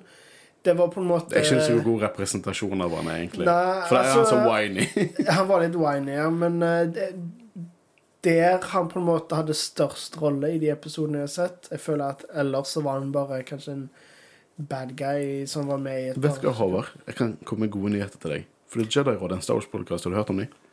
Uh, ringer noen bjeller? Ja, for de skal ha en Cad Bane-spesial. Vent, det skal jo vi òg. Ja. så da, de skal se alle Cad Bane-episodene fra Clone Wars. Uh, det er ikke så mange, så det, det er blir ikke så mye arbeid for deg. Og så skal vi diskutere Cad Bane i helheten i, i, i en episode. Tenker du deg at det er kanskje noe du ville hørt på eller vært med på? Det høres interessant ut, ja. Det, det, det kan være en gøy episode. Og jeg håper vi på en måte tar veldig mye mer karakterdrevne episoder fremover òg. Men uh, det, det er en ting til jeg liker med Cad Bane, er at eh, de har valgt å bruke stemmeskuespilleren fra seriene. Animasjonsseriene. Det måtte jo være det. Det For stemmen hans er ganske ikonisk. Ja. eh, Det, nei, jeg digget å se live action Cad Bane. Ja, det gjorde jeg òg. Og som sagt, jeg synes han spiller Han og Fenrik Chan. Ja, skulle, jeg skulle gjerne sett mer av begge to. Jeg er enig der, men jeg syns begge spiller en perfekt rolle. Det er bare som, å, så nydelig perfekt rolle når jeg tenker over det her. Som to dusørjegere som er på en måte samme sted som Boafett var, men som, en, som enten endrer seg eller ikke endrer seg, og hva det vil si for de av at de ikke gjør det, og hva det vil si for historien til Boafett, så syns jeg det er briljant. Briljant. Elsker det. Ja, og så eh, vil jeg bare legge til at eh, på en måte all dialogen som Cad Bane har i eh, episoden han er med i, er veldig bra utført og skrevet. Men det er bare én kritikk jeg har mot denne karakteren, og det er at han skulle dukket opp tidligere. Ja, ja men enig. Helt enig. Han skulle vært en sånn Ja, Pikes Jeg skjønner var, Nå må vi huske at vi var jævlig hypet når Pikes dukket opp. Selv om de ikke er like truende som Huts. Jeg, jeg syns det var kult at Pikes dukket opp, Ja, jeg syns men det. jeg syns òg at det var litt skuffende i sesongfinalen at det ikke var en mer formidabel fiende.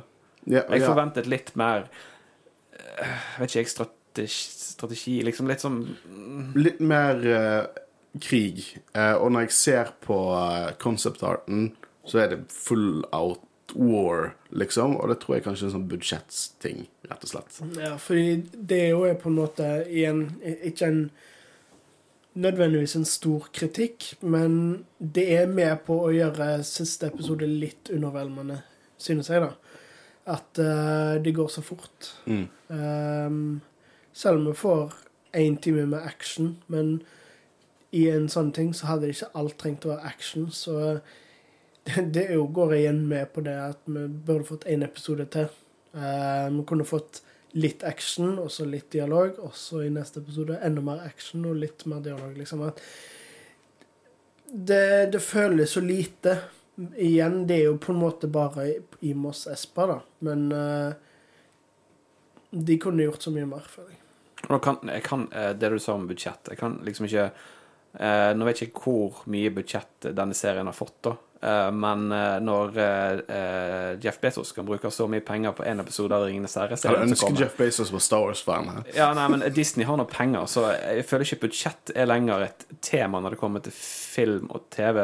Når Det strømmetjenesten er jo alltid et budsjett. Det er alltid egentlig budsjett, det. men, Men, når du skal at, produsere sånne serier som dette, så føler jeg at uh, Utfør det på så best mulig måte. ja, men jeg tror også det at det kan ha litt med filmingen å gjøre. Jeg tror at eh, For jeg tror at vi kunne fått det litt mer large scale hvis Robert Rodriguez hadde bestemt seg for å filme på en litt spesifikk måte. Eh, han er veldig glad i raske cuts, og av og til gir ikke de helt mening sånn tradisjonelt messig. Eh, jeg, jeg, bare, jeg bare tror at For det, det er veldig sånn Det er masse pikes. Det er kjempemasse pikes i sesongfinalen. Men det virker litt som en sånn OK, hvis dere står her til venstre, og så pang, pang, og så blir dere drept, og så løper dere bort til høyre, og så filmer vi dere der også. Og så Det føles litt sånn ut. Så jeg tror at eh, med litt mer gjennomtenkt kamerabruk så tror jeg de kunne gitt oss illusjon av at det var veldig mye mer der. Eh, enn det var. Så jeg skjønner det undervarmende på den måten, men Jesus Christ, vi fikk Boba Fett på en Rancor. Kom an. Men kanskje Ja, ja, vi ja. burde hatt enda en faksjon med på en måte folk han hadde redda, og måtte komme og redde han, da. Mm. Eh, Fordi nå er, var det jo egentlig bare de der eh, Freetown-folka og Mando Og Modsa. og Modsa. Mm. Um, Ikke glem Gamorians. Nei, nei. Rip Men- Gamorians. Og og og selvfølgelig Crescenta nå, han er jo en enmannsherr, Mm. men igjen, det, de kunne Det kunne òg blitt rotete med enda flere folk, men Det allikevel hadde, det hadde nok krevet flere sesonger, vil jeg tro, hvis vi skulle få sånn Game of Thrones large scale assault. Men eh, Tuskens burde kommet tilbake Ja, Um, og hjulpet han. i hvert fall et par stykker. I hvert fall liksom The Warrior og sånn, synes jeg det hadde vært jævlig kult hvis hun kom tilbake. Og så er det én karakter i dypt savnet i finalen, Mhm. og det er uh, Rancor-keeperen. Men jeg, jeg, det, bare, Danny Treyer skulle bare stått i hjørnet og bare så nikket.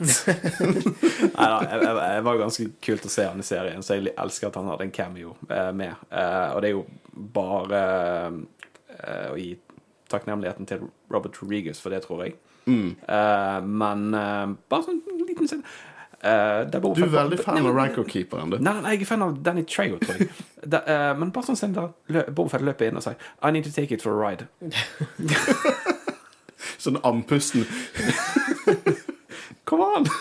Uh, jeg har litt lyst til å snakke om The Twins også. Liksom disse Hutsene. For det visst, jeg bare jeg har lyst til å se mer av dem. For jeg elsker alle scenene med The Twins. Elsker måten Jeg elsker CGI-en. Jeg elsker de her folkene som står og svetter om å omjustere grepet sitt, så holder den der litteren deres. Jeg elsker tilstedeværelsen, stemmen. eh, og de virker jævlig truende. Så jeg håper vi får se mer av The Twins. Jeg håper vi får se mer sånn Hutt-familie-business i live action. For jeg syns det var kjempekult. Også i episode eh, tre, som alle husker kun pga. en slow speedroute chase. I den episoden så kicker Chrysanthemum ass. Og vi ser første liksom, denne stammen til Bobafett som kommer sammen for å, for å hjelpe Bobafett. Og vi ser, eh, vi ser mer av The Twins og Rancor-keeperen. Det er- Come on. Det er ikke en så dårlig episode. Det Den avsluttes litt rart, men det er så jævlig mye bra Star Wars i den episoden. Og um, ja, jeg håper egentlig vi får mer av hettene. Og jeg tror vi fort får mer. Det er litt sånn som Boba sier når de liksom snakker om Ja, tror du de snakker sant? Altså, det er til deres interesse av å liksom trekke seg ut og la andre slåss, og så bare komme tilbake inn igjen. på Ja, for det hadde ikke overrasket meg om det var liksom taktikken deres. Jeg syns det kunne vært kult å se hjemplaneten Nalhata. ja. Mm. Det hadde vært dødskult òg. Ja. I likhet med at jeg kunne ha tenkt meg å sett uh, hjemplaneten til Pikes òg, sånn sett. Ja, og. De la, nå er jo, og da kommer rett inn til en Segway til neste ting jeg har lyst til å diskutere litt. Eh, men The Huts er jo i en jævlig dårlig posisjon nå, eh, med tanke på at av Crimson Dawn så har uh, Vader drept jævlig mange av dem. Og Jabba er død, så hvor mange som er igjen er usikkert. Men vi snakker litt om Crimson Dawn. For det folk hadde Jeg skjønner ikke hvor det kom fra. Folk hadde en forventning at de skulle dukke opp. Og jeg, jeg Nei, men Uansett om du ikke sa hint til det, så tror jeg på en måte folk òg forventet at det bare var en større eh, eh, eh, fiende bak dette. Altså at Pikesene på en måte var Nei, det var før. De tenkte jo at de, folk ble skuffet når Pikes ble liksom revealet som the Ah, big ok. bad, liksom. Ja, da, ja, okay. Men jeg bare Crimson Dawn? Jeg, jeg, jeg husker jeg sa det Jeg sa det når vi når, Kira. Kira. Jeg vet det, da. Vi diskuterte jo det, eh, og jeg sa jo egentlig til alle som har lyst til å høre på meg, ikke forvent Crimson Dawn. Fordi at de kommer ikke til å dukke opp. Og de dukket ikke opp.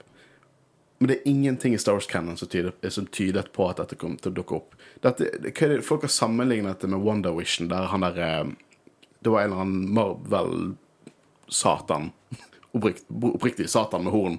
Som skulle var sto bak Mephisto, alt. Ja, Mefisto. Ja, de mener at Allerede glemt ut. Ja, sant. De mener at uh, uh, Crimson Dawn var, eh, var liksom Mephisto for, for Star Wars fra, fra Wonder Vision, fordi at de hintet til De hintet ikke til eh, Crimson Dawn. Det var ikke litt hint engang. Det var noen som mener å, det var en sånn musikk-cue. Nei, det var ikke det. Det var ikke det. Det var, det, det, det var ingen hint til Crimson Dawn. Det er en pågående tegneserie nå. Jeg leste nettopp War of the Bounty Hunters, awesome tegneserie. Så vi har fått uh, uh, Noen lytter mener at vi bør dekke, så kanskje vi skal gjøre det en gang. Men um, uh, Crimson Dawn sin fortelling blir skrevet nå. Og i starten av den fortellingen står det dette er hvordan Crimson Dawn gikk under. Sånn, liksom, Disney kommer ikke til å, å eh, gi no... Og dette, det satt flere år før dette. De kommer ikke til å gi en konklusjon på denne historien i et annet medie. Og Crimson Dawn er tilsynelatende ikke det det var på det tidspunktet til Book of Bobofet. Ingenting tyder på at de skulle dukke opp. Og det er litt sånn, man må ha litt sånn Ikke, ikke stol på alle Twitter og Star Wars-leak som er der ute, for man blir bare skuffet. Sant? Og det er ikke serien sin feil.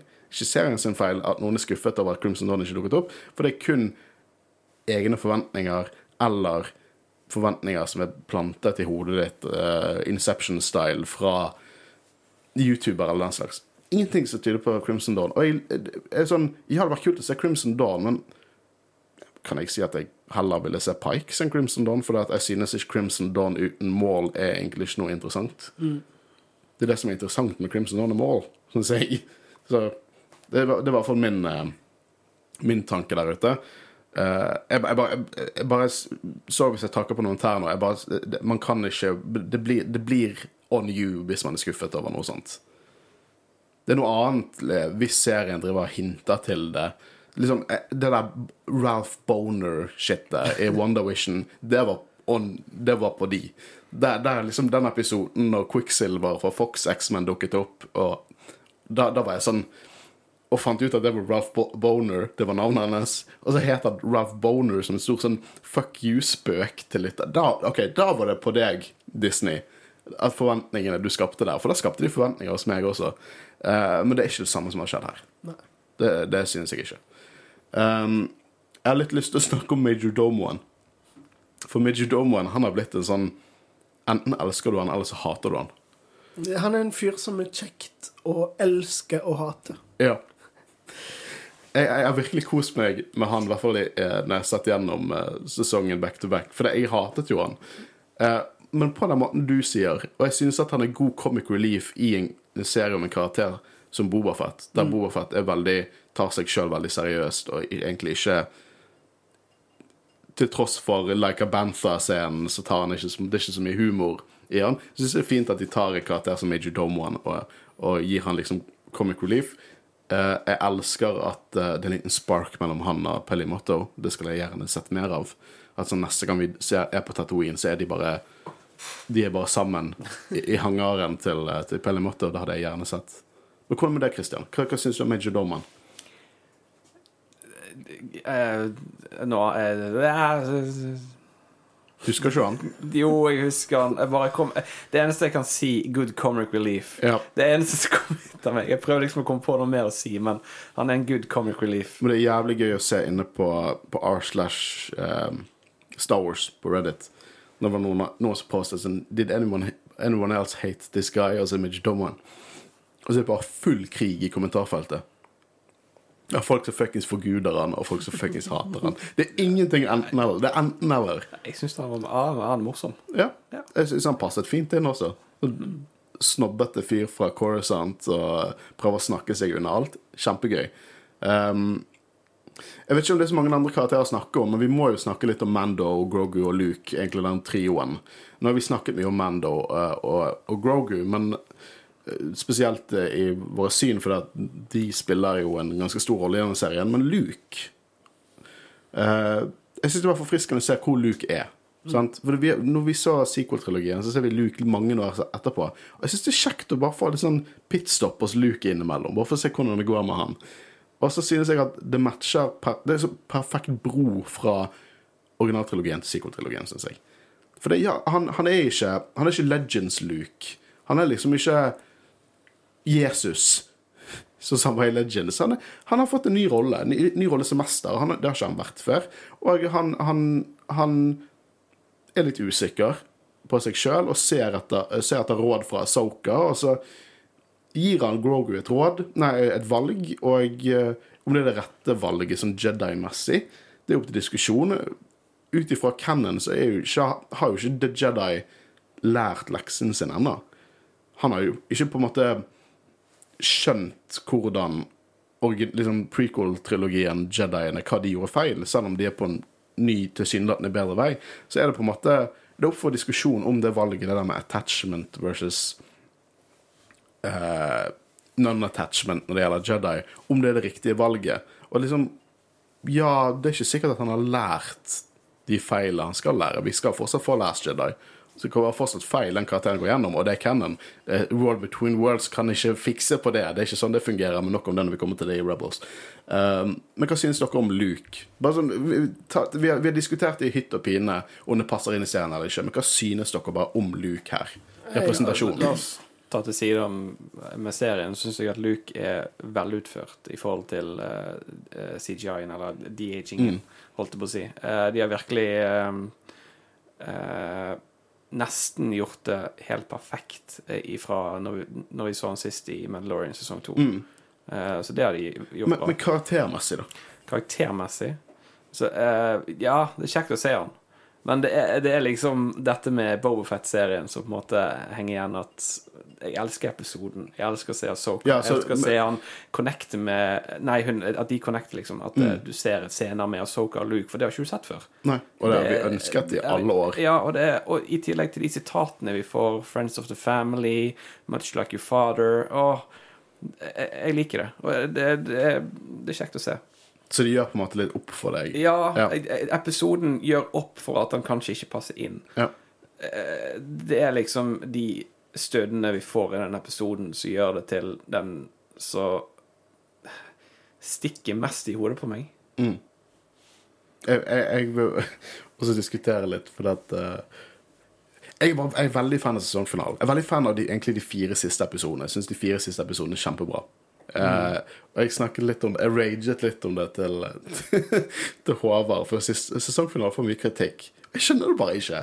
Og, det, og jeg, jeg, bare begynner å tenke litt sånn Når vi har en episode med Asoka og Luke, at det på en måte overskinner. De, de fjesene overskinner. For sånn et, Ja, det- jeg, jeg bare vil stille spørsmålet. Ingen trenger å svare på det, men sånn Sånn objektivt sett, en person som aldri har sett Star Wars før hvor mye bedre er episode 6 enn 7? En person som har ingen tilknytning til de karakterene. Jeg bare tenker, Vi har en, vi har en, en sesongfinale der motherfuckings Bobafett rir en rancor, og så tenker vi sånn Å, det var ikke Det var ingen Det var, det var for lite Det var for lite cameo. Liksom, det, var ikke, det var ikke spesielt noe. Det er Bobafett som rir på en rancor i en serie som heter The Book of Bobafett. Så hvor har vi kommet? Nei, jeg føler òg Du er jo number one fan of Bobafett, kan, kan vi si? Kanskje her i rommet, i hvert fall. Kanskje her i rommet, i hvert fall. Og det går jo litt òg på hvor mye du connecter med eh, en karakter. sant? Det er du er sant. megastor Bobafett. Det er sant. det er sant Men det er kanskje flere der ute som òg er megastor Lukes-fan. sant? Så det, Ja, på det, måte, men det er dere det- det- basic bitches av Star Wars-fandom. nei, men det er liksom det Hvilken karakter gjør mest impact? Og hvis du på en måte er en stor fan av Luke, så vil episode 6 gjøre mer inntrykk for deg enn å se episode 7 med. Mm. Ja, men jeg, Liksom jeg, det er det enig. òg går på. Ja. Og Nei, du har- du har for min del så eh, Episode 7 er konge. Rancor, dødskult. Jeg, jeg har Men det er liksom hvor mye du connecter med en karakter. ja, jeg skjønner. Nei, men det, det, det, det er gode ord. Gode ord. Du satte meg på plass der. Men eh, en ting når du, når du sier det, episode seks Jeg elsket å ha en det, Hele denne serien føltes som en spirituell oppfølger til Return of the Jedi. Med masse sånn Return of the Jedi-nostalgi. Det har ikke vi fått så mye. Det har vært veldig mye sånn generell originaltrilogi. Eller New Hope, veldig mye New Hope. Men å få litt sånn Return of the Jedi-magi tilbake Det er nydelig fanservice. ja, ja, og det gjør det bra. Denne serien nailer fanservice. Ja. eh, så sinnssykt også. Så for min del å se jeg, jeg er jo Luke er jo en stor karakter for meg. Det er ingen hemmelighet. Um, Er vi klar over det? Ja. så å på en måte se han nå etter Return of the Jedi, som på en måte du òg sa, i forhold til at å se hvor han er nå, er stort, og det er veldig kjekt. Ja, eh, nei, men jeg, jeg ser den. Og jeg har jo blitt mye mer fan av Luke egentlig etter Last Jedi, som er sikkert litt blasfemisk for mange Og så får vi jo òg se Luke sitt uh, nye Jedi Temple, holdt jeg på å si, og Mm. eh, hvordan det bygges og sånt. Og du har jo sagt at eh, de skal på en måte samle brikkene eh, som på en måte binder sammen filmene i tillegg. Ja, ja. Og det, det hjelper denne episoden å gjøre òg.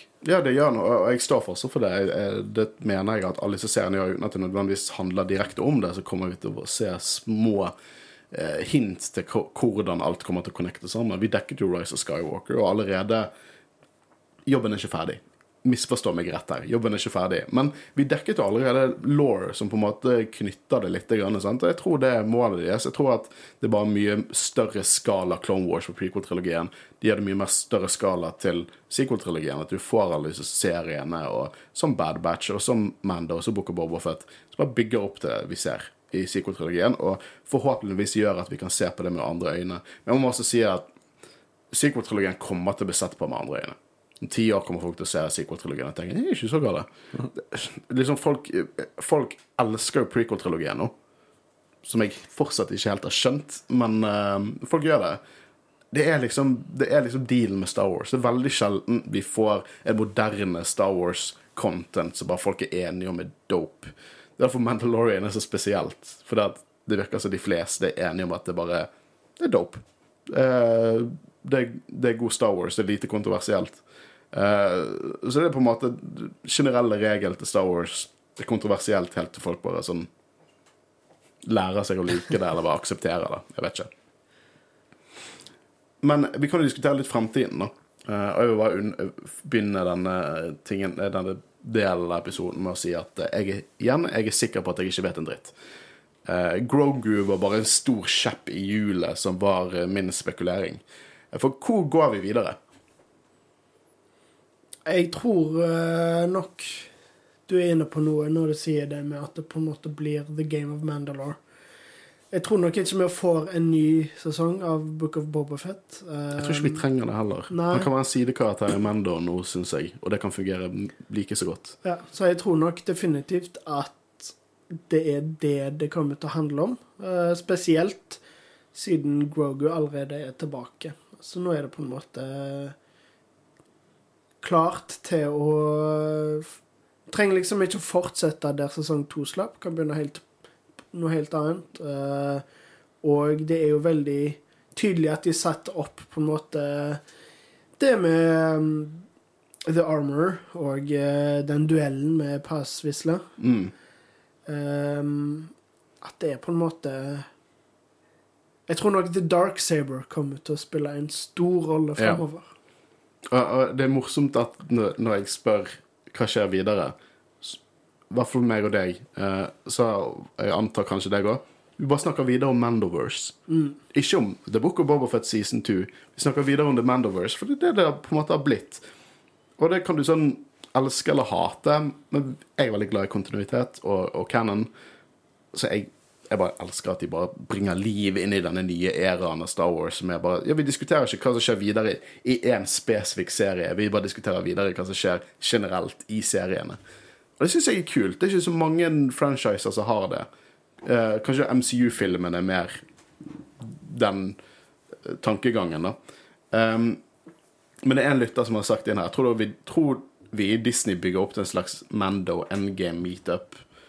Mando og Bobas folk versus Thrawn? Uh, ja, det tror jeg.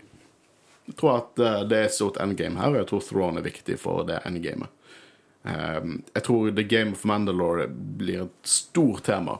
Absolutt noe vi kommer til å se videre om. Vi har jo fått sett mer Denne sesongen så er det første gang vi ser live action Mandalore. Selv om det på en måte tilsynelatende ødeleggelse, så er det det vi får se. Men jeg tror at vi kommer til å få et stor endgame. Jeg tror at det er mange serier som kommer til å bygge opp eh, på dette her, og vi kommer til å få noe jævlig stilig som endgame. Hvordan det blir, hva det blir eh, Det viktigste for meg er bare at Lars Mikkelsen spiller Thrawn. Så er jeg happy. Og du, har, du har ikke kommet til Rebels-episoden, Trond, du. Nei, jeg eh, kan absolutt ingenting. Får håpe vi klarer å komme dit før du ser den i live action. Må nesten det. Ja, ja, ja. Men jeg gleder meg, og jeg tror absolutt det er det vi kommer til å få se. Eh, når det gjelder Hvis vi snakker om Boafødselen med litt mer lokale historier, så tror jeg at den end credit-scenen Cobb Vanth Jeg tror det er han som kommer til å ta opp over som Daimyo for Mas Espa. Um, som igjen kommer til å stille Nå vet vi ikke det, men det kommer til å stille mm, flere spørsmål rundt uh, motivasjonen hans. Jeg tror egentlig han har oppnådd det han skulle, han visste hva han skulle eller ikke. Men uh, jeg tror Cobb Vanth kommer til å bli nye Daimyoen. Det, det virker som det er det de, den veien de går. Um, en annen ting jeg har litt lyst å Jeg vet ikke, Har dere noen andre tanker om fremtiden her? For det er egentlig ganske sånn åpent. Jeg er jo klar for å bli overrasket. Det, det, det er det når Grogu er tilbake, sant? Og vi har diskutert dette med Grogu um, i sesongfinalen. At han var tilbake, om det er bra eller dårlig. At det kan sånn undermine hele season 2 av Mando. Men jeg bare føler at gutta har fortjent the benefit of the doubt. Jeg tror, tror at de er tilbake der for en grunn. De har gitt oss noe av det beste Star Wars jeg noen gang har sett. Da fortjener de at jeg, at jeg at i hvert fall, jeg antar at de har en plan. At det ikke blir sånn Ja, men uh, så har jo fjernet hjelmer før, og så fått svar på det. Jeg tror de har en plan, og jeg, eh, jeg er i hvert fall veldig spent å se den planen. Vet du hva det gøyeste i sånne, sånne eh, sesongepisoder Bare sånn favorittøyeblikk. Det syns jeg er best. Det syns jeg er gøyest. Så kan ikke vi snakke litt om favorittøyeblikk? Kristian? Du må ha noen favorittøyeblikk. Jeg tror jeg har masse. Ranker keeper. Nei da. Uh, eh, Problemet når du ikke har tenkt på det på forhånd, så begynner du å se gjennom alle episodene. Du går liksom gjennom det i hodet ditt. Ja, liksom å finne hva var det var som mitt favorittøyeblikk. Og um, uh, når Reaper Wanker er jo selvfølgelig ett av dem. Mm. Uh, når Luke snakker med Soka. de to. Ja, Foreløpig. Fine. Foreløpig. Jeg, jeg, du kan jo hoppe tilbake igjen. Jeg kan, Ja. jeg kan se Håvard tenker. Jeg, jeg, jeg har flere favorittøyeblikk her.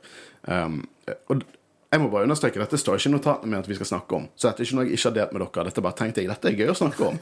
Uh, jeg har mange gøye øyeblikk. Jeg elsket scenen når Boba eh, bare løftet seg ut av rancoren Nei, Sarlaken. Synes det, det er sånn Sett det øyeblikket i drømmene mine, og det var jævlig kult å åpne serien med det øyeblikket.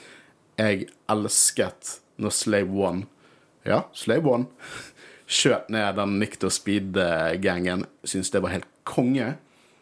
Eh, som, jeg elsket Luke og alt det der, der men jeg elsket den one-taken i eh, eh, longshot one-taken med Mando i episode fem. Da han gikk inn i en heis, ut av heisen, inn i en bar, snakket med klienten sin, kameraet gikk rundt, Mando var badass, og så fulgte han med ned heisen. Det var sånn Jeg føler ikke jeg har sett noe sånt i Star Wars før. Jeg er bare så jævlig imponert over Det har snakket mye om at sånn filmregi og sånn, det er ikke sånn jeg bryr meg om i Star Wars, men der brydde jeg meg virkelig, for det var jævlig kult. Det var en utrolig bra gjennomført scene. Ja, jeg og hele, hele episoden Bryce Dallas Howard Jeg er stor fan. Jeg gleder meg til å se hva mer hun lager. Også sånn utenfor Star Wars, for hun kommer garantert til å lage en film eller sånt snart. Eh, jeg er kjempestor fan av hun, hvordan hun har utviklet seg i, i, gjennom Star Wars. Kjempedope. Eh, men mitt favorittøyeblikk i hele Book of Bobafett, det er når Mando og Bobafett bare står og skyter. I, oh, ja, med jetpacken, ja. ja, Mm, ja eh, det er min Vader Hallway-scene. Det- Elsker det. Elsker, kulere enn Rancoren, til og med, syns jeg. Når de bare står der, og, og hver gang én faller ned, så reiser den andre seg opp og skyter. Syns det er kjempekult. Ja, litt shot i filmet. Ja, kanskje, men det er bare jævlig kult. Det sånn, det, det er Det er en sånn scene som påvirker meg til å bruke masse penger på samleobjekter jeg egentlig ikke trenger. Det er en sånn type scene. Og jeg elsket det. Jeg eh, må si at eh, det, det er på en måte ikke noe jeg har tenkt på, så bare når jeg tenkte nå mens dere snakket, så er mine to favorittøyeblikk eh, når han går inn i en bar, ikke sier en dritt og bare banker skiten ut av alle, tar og drikker noe og går ut igjen. Jeg syns det var bare Bare Det- det, det sinnet han har, og på en måte alt han gjør, er dritkult. Men jeg må òg si at jeg likte òg veldig godt um, den scenen der han har hatt øgla inn i nesen, og så kommer han tilbake, og så får vi bare en liten montasje av at han spikker på det der eh, Mm. Pinnen. Jeg glemte hva det heter. Gaffy stick. Gaffy. Eh, jeg syns det var utrolig kult, og uh, må, den betydningen det på en måte har for han, at han er blitt en del av uh, den Tusken triben Mm. og alt mulig sånn, jeg syns det var skikkelig bra gjennomført sekvens. Du har mye dypere, eh, dypere begrunnelse enn jeg har. Jeg er sånn Å, kult! Nei, men det, Han skyter med knærne!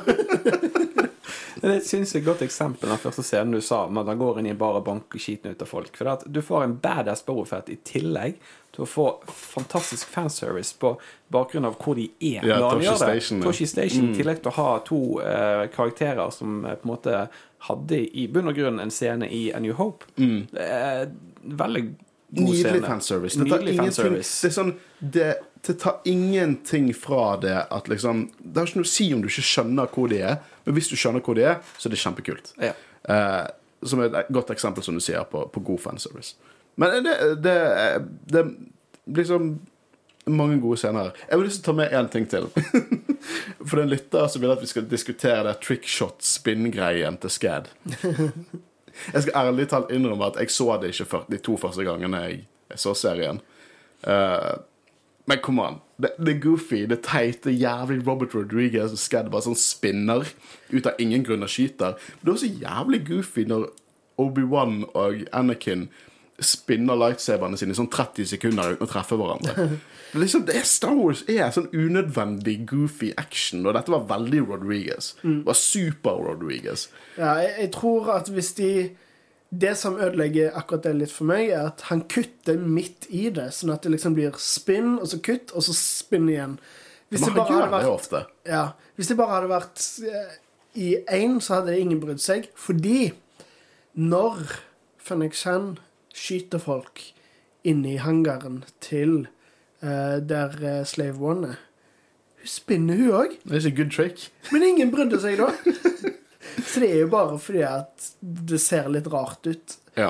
Så jeg føler det er sånn typisk sånn Star Wars-fans og liksom bare Hvis de ikke liker noe, så må, må de bare finne noe, liksom bare definere hvorfor de ikke liker det, og så er det helt jævlig. Så jeg bare Jeg syns jeg, jeg skal være enig. Jeg tenkte faktisk når jeg så finalen første gang, at OK, det var litt rart, men Nei, men Boba Fett var ikke med i akkurat det shotet, så jeg bare brydde meg ikke. da Nei, men Jeg legger jo godt merke til det eh, når jeg ser det nå på nytt. Når jeg ser internett har klikket litt over det. Men det er litt det du sier. Eh, det er litt sånn typisk Star Wars-fans å fokusere på sånn én ting. Av og til er det lov å bare si man ikke liker noe. Trenger ikke ha en begrunnelse for det nødvendigvis. Men eh, jeg, jeg anerkjenner jo selvfølgelig at Book of eh, har sine problematiske ting. eh, og hvorfor andre ikke Det jivet med de, da. Men eh, for min egoistiske del så er det viktigste at jeg likte det. så jeg er veldig glad for at dere likte det også. Eh, men jeg, har egentlig, jeg, jeg, jeg føler det er på en måte en god måte å runde av her. Um, da var Book of Bobofet ferdig, og neste store greie som kommer ut, det er jo Kenobi-serien. Og det, det tror jeg at vi alle er veldig hypet på. Å, ja.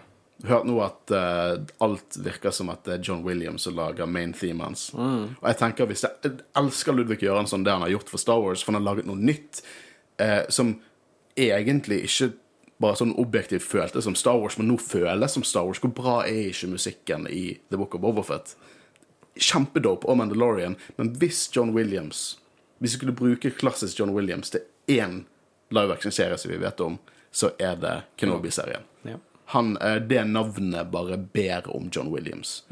Eh, jeg er utrolig hypet på den serien, og jeg elsker at det er en miniserie. Hva er det, seks episoder? Ja, stemmer.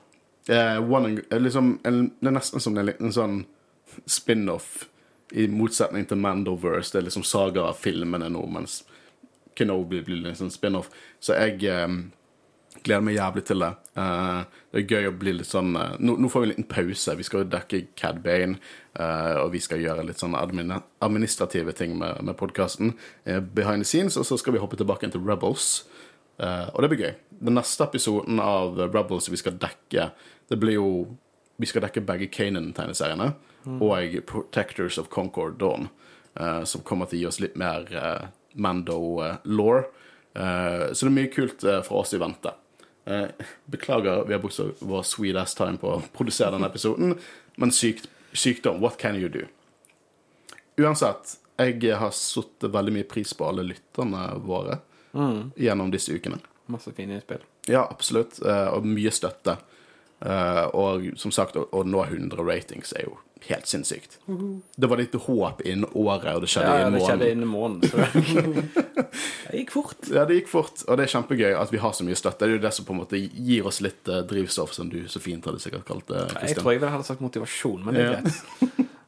Uh, og jeg, uh, jeg setter pris på å ha diskutert fersk Star Wars med dere to, for det finnes ikke noe bedre. Vi, liksom, det er veldig gøy å diskutere Rebels og alt det der med dere, men å diskutere Fast Star Wars som vi ikke helt vet hvor historien går, det er en egen sjarm i det, syns jeg. Ja. Absolutt.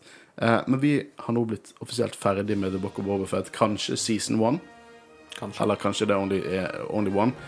Uansett, mitt navn er Håkon Øren, jeg har sittet sammen med Ares. Kristian Høgen Aspen. Og vi har vært Jedi-rådet, og vi er nok Jedi-rådet ganske snart igjen, altså. Ha det bra. Ha det bra. Ha det bra.